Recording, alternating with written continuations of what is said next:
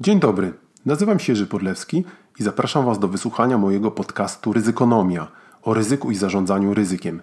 Więcej o moich e-bookach, usługach doradczych i szkoleniowych znajdziecie na stronie www.ryzykonomia.pl.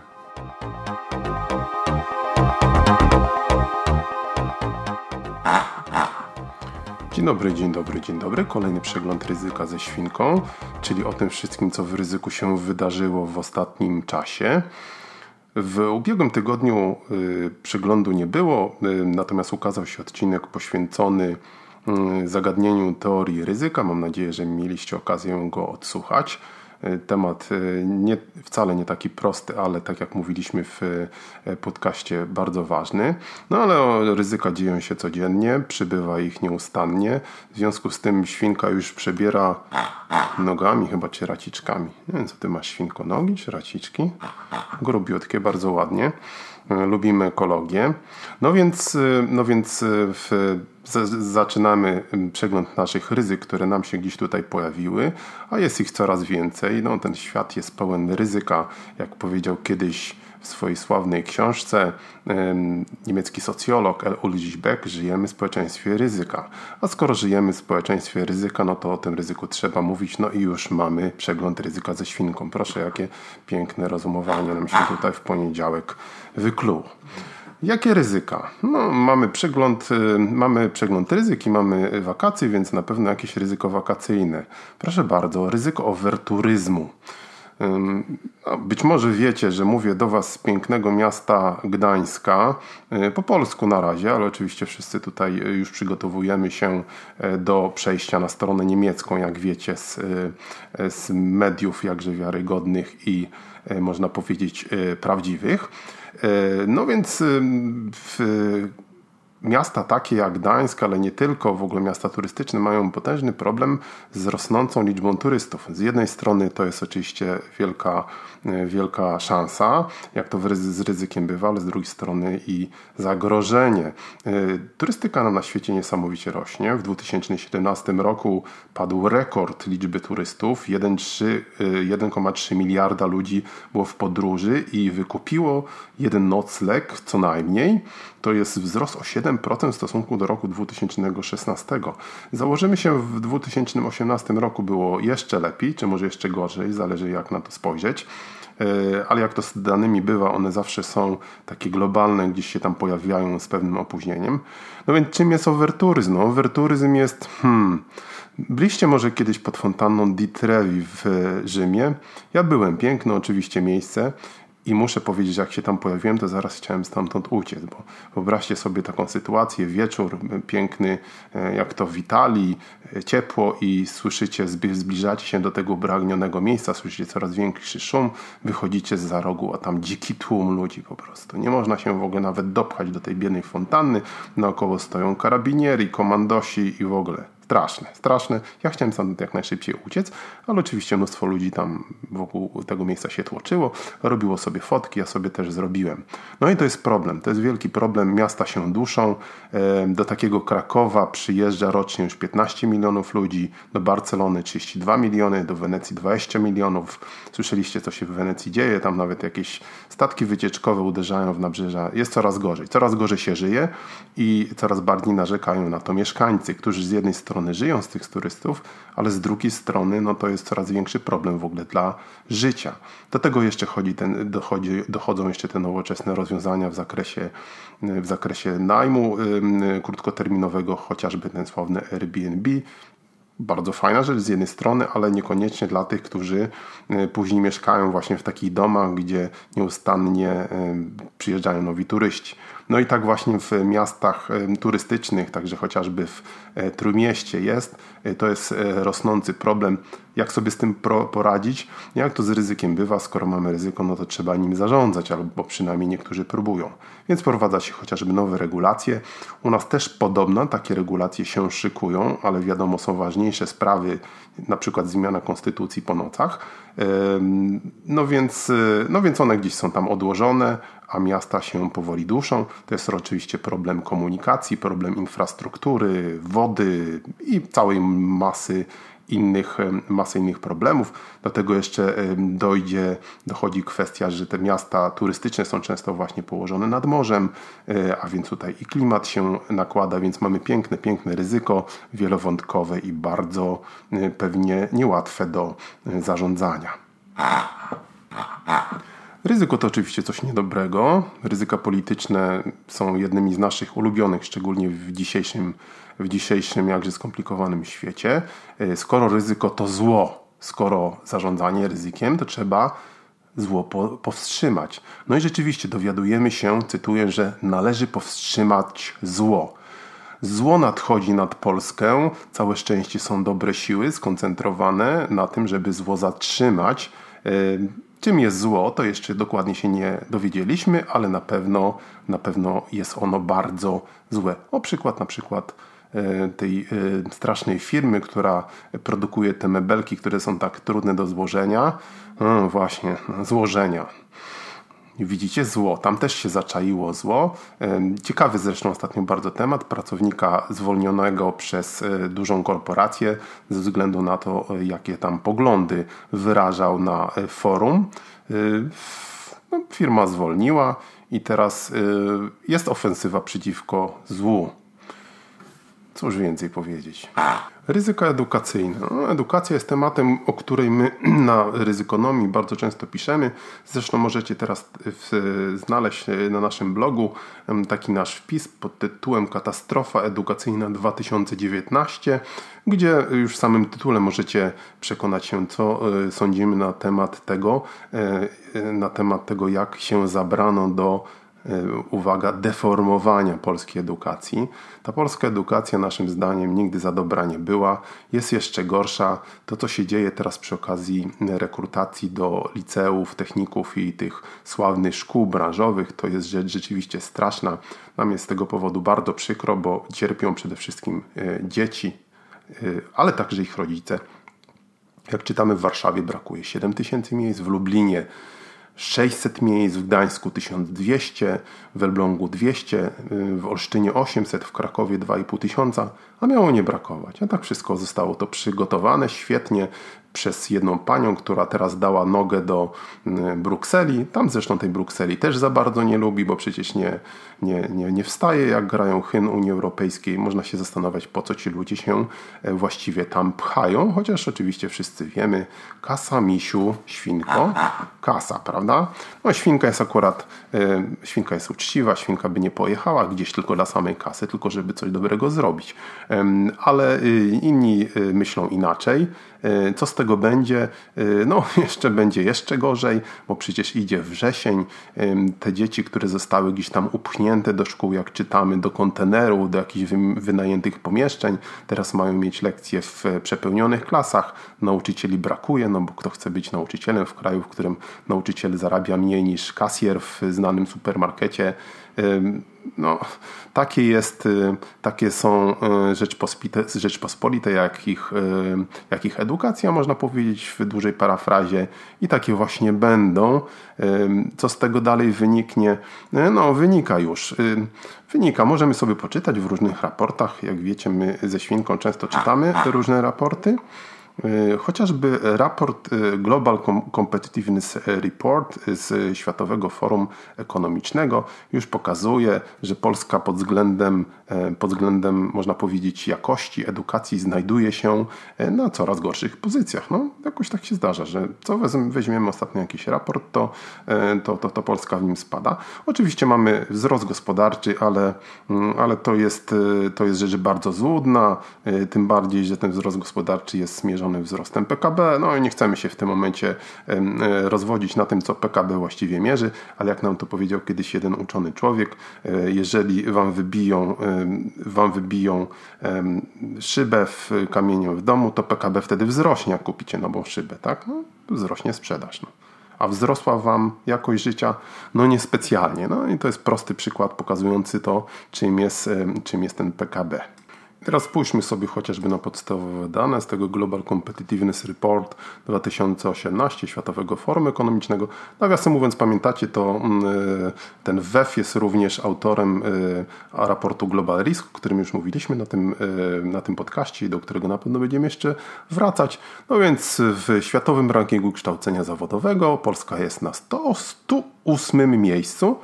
No, jak to można zainterpretować? No jest więc chyba słabo, słabo nasza młodzież jest przygotowana do życia zawodowego, co widać, słychać i czuć i wszyscy pracodawcy to potwierdzają. No jeżeli to nie jest ryzyko, to nie wiem czym jest ryzyko.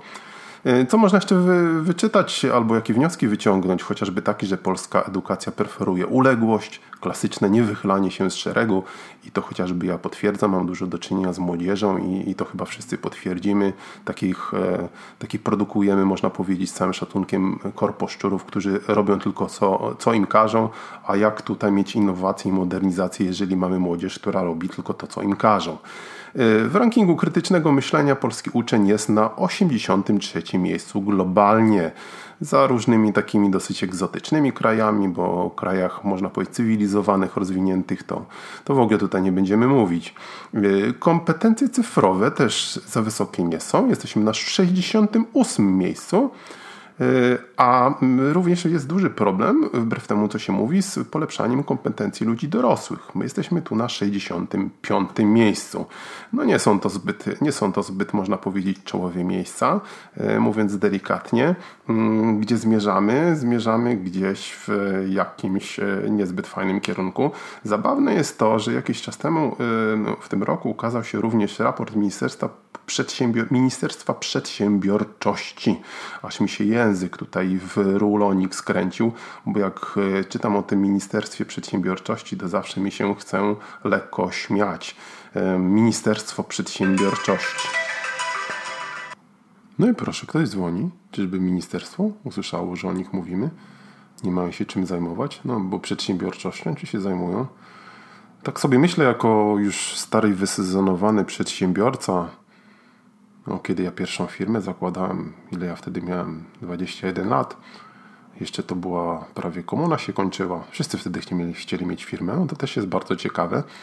E, tak sobie pamiętam, ci którzy, ci, którzy pamiętają, to pamiętają, że właśnie gdzieś tak na przełomie lat 90. każdy chciał mieć firmę.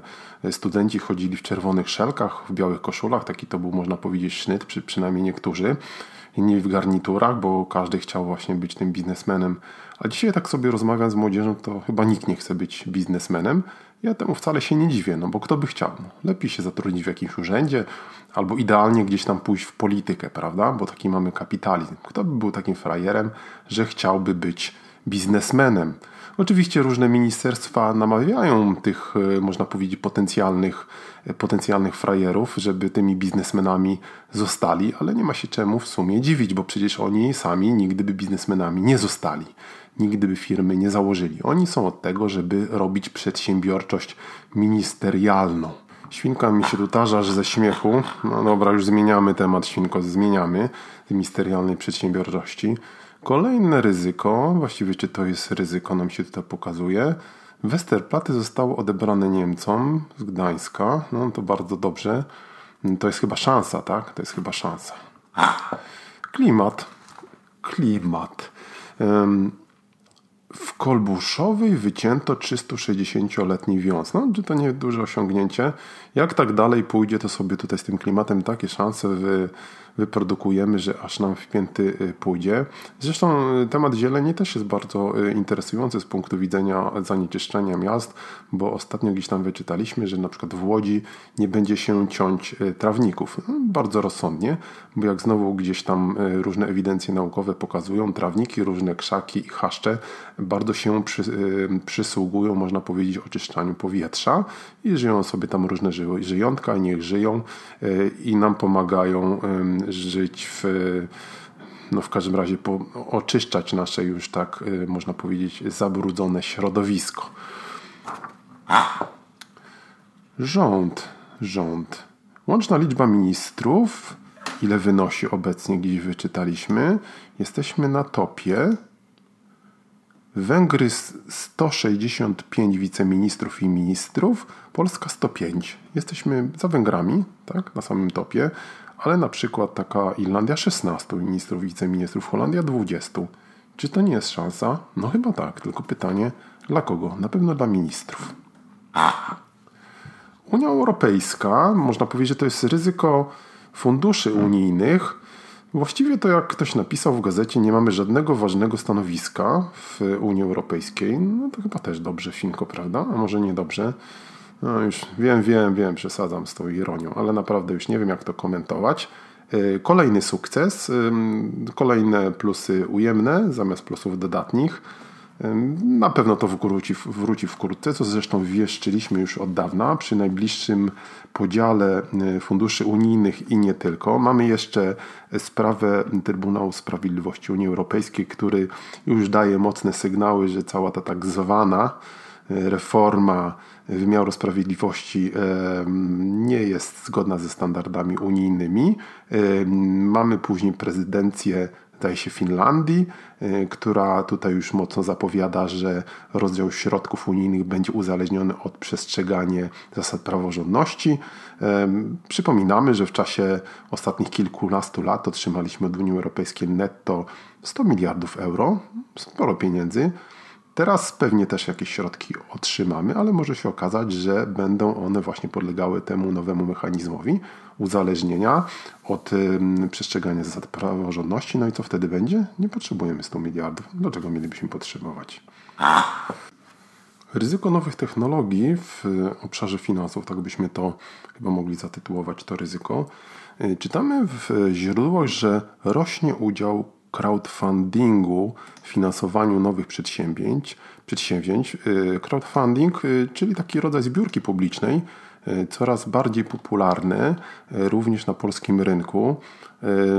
W, jak czytamy, w 20 największych zbiórkach pozyskano obecnie 38,5 miliona złotych. Nie wiem jaki to jest okres, pewnie ostatniego roku to z jednej strony dużo i mało. Crowdfunding, czyli taki rodzaj zbierania pieniędzy na różnego rodzaju przedsięwzięcia, pamiętacie, być może narodził się gdzieś w Stanach Zjednoczonych, jak to różne inne innowacje finansowe. Dotyczył chyba e, pierw finansowania e, płyt nowych, płyt muzycznych, e, nowych i starych wykonawców i, i różnych innych, i różnych innych jakichś przedsięwzięć. Przywędrował nam też już parę lat temu do Polski. Mamy parę platform crowdfundingowych w Polsce i można tam próbować zbierać pieniądze na swoje przedsięwzięcia. Z tego co widzimy, największe takie przedsięwzięcia to już nawet są o wartości 4 milionów złotych, 3 e, milionów złotych, które zostały sfinansowane w, za, pomocą, za pomocą tej zbiórki publicznej. No to jest temat bardzo ciekawy i pewnie banki w szczególności obserwują bardzo bacznie, co tu się dzieje na tych e, platformach crowdfundingowych. No bo czym jest crowdfunding? No, crowdfunding jest, y, można powiedzieć, swojego rodzaju bankiem bez pośrednika, tak? tego właśnie banku. Y, czyli ci, którzy mają pieniądze, bezpośrednio kontaktują się z tymi, którzy pieniędzy, pieniądze potrzebują, którzy fundusze potrzebują i w ten sposób no, omijają banki. Y, dla banków jest to pewnie kolejne zagrożenie po walutach wirtualnych E, chociaż z drugiej strony trzeba zauważyć, że to są wciąż kwoty stosunkowo e, niewielkie, ale biorąc pod uwagę rozwój technologii nowych, czyli tej możliwość komunikowania się za pomocą Facebooka czy, czy różnych innych sieci, no to, e, to można powiedzieć, to zagrożenie dla tej tradycyjnej bankowości będzie pewnie, będzie pewnie rosło. Obserwujmy to. Na koniec znowu wracamy do kwestii E, do kwestii e, edukacji, możecie powiedzieć, że jestem jakimś tutaj maniakiem tej edukacji. E, kogo właściwie w Polsce obchodzi edukacja? No, mnie obchodzi, bo uważam, że to jest rzecz może najważniejsza w państwie, społeczeństwie. I na stronie Światowego Forum Ekonomicznego, World Economic Forum, Stronę y, już chyba polecam na swoim blogu i mówię wielokrotnie o raporcie Global Risk, Światowe Forum Ekonomiczne, y, w, czyli, czyli to miejsce, gdzie się co pewien czas zjeżdżają, można powiedzieć, grube ryby świata polityki i biznesu, y, dyskutować jak zrobić, żeby było bogatsi byli jeszcze bogatsi, a biedni byli tam, gdzie byli. No, różnie to bywa pewnie. W każdym razie czytamy taki ciekawy artykuł, że umiejętności, a nie tytuły są nową, można powiedzieć, miarą rynku pracy. No to jest rzecz, której, y, której słyszymy już od jakiegoś czasu i ona chyba pięknie, pięknie można powiedzieć, podsumowuje też to, co się dzieje na, na polskim rynku pracy i, i, i adresuje słabości naszego systemu edukacyjnego, a mianowicie to, że pracodawcy y, są zainteresowani, można powiedzieć, dosyć upraszczając tym, co e, pracownicy umieją, a niekoniecznie ich dyplomami. No, dyplomy w dalszym ciągu są ważne, ale z drugiej strony przy tej zalewie różnego rodzaju dyplomów to rzeczywiście pracownik, e, pracownik jest oceniany przede wszystkim ze względu na to, co on potrafi zrobić.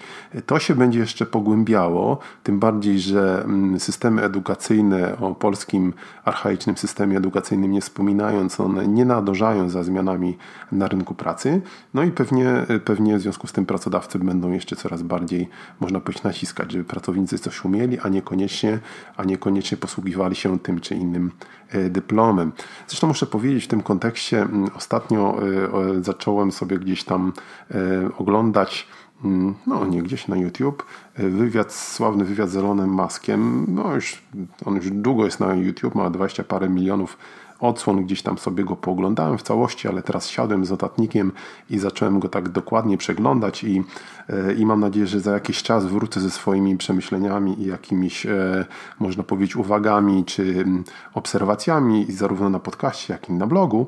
No i to jest właśnie bardzo ciekawe spojrzeć na człowieka, który, o ile mi wiadomo, w swoim czasie nawet chyba rzucił studia i nigdy ich nie skończył i y, wymyślił tak wiele, można powiedzieć, wspaniałych pomysłów. Oczywiście to nie jest pewnie dla każdego, ale z drugiej strony pokazuje, y, pokazuje właśnie, jak można osiągnąć sukces. O, nie lubię tego słowa, ale w każdym razie na ile można, można realizować swoje y, zamierzenia, swoje projekty, swoje marzenia, właśnie posługując się przede wszystkim wiedzą, a niekoniecznie dyplomem. I to y, myślę, że ten, ta przepaść będzie się, będzie się pogłębiać, bo systemy edukacyjne są z natury rzeczy uzależnione od pomysłów regulatorów. Ci regulatorzy to są często no, z całym szacunkiem niezbyt, niezbyt umiejscowione w, czy nieposiadające dostatecznej wiedzy na ten temat, jak się, jak się biznes rozwija, jak się świat rozwija, bo zainteresowane pewnie głównie rozwojem swojej kariery politycznej osoby. No i w związku z tym one, no, te ich regulacje, te ich regulacje również w zakresie sektora edukacyjnego nie nadążają za e, potrzebami. Elon Musk o tym również mówi w paru innych, e, w paru innych kontekstach. Tak jak powiedziałem, do tematu jeszcze wrócimy i, e, i myślę, że poświęcimy temu zupełnie oddzielny podcast chociaż może tym razem nie ze świnką, prawda? Na dzisiaj to tyle. Żegnamy się z Wami. Już wkrótce wracamy z naszymi kolejnymi obserwacjami ryzyk. Jeżeli macie ochotę nam jakieś swoje obserwacje w zakresie ryzyk e, podrzucić, to podrzucajcie. Z przyjemnością się do nich odniesiemy, je skomentujemy. Póki co żegnamy Was. Mówimy bye bye i chrum chrum. Bye bye bye bye. Chrum chrum chrum chrum.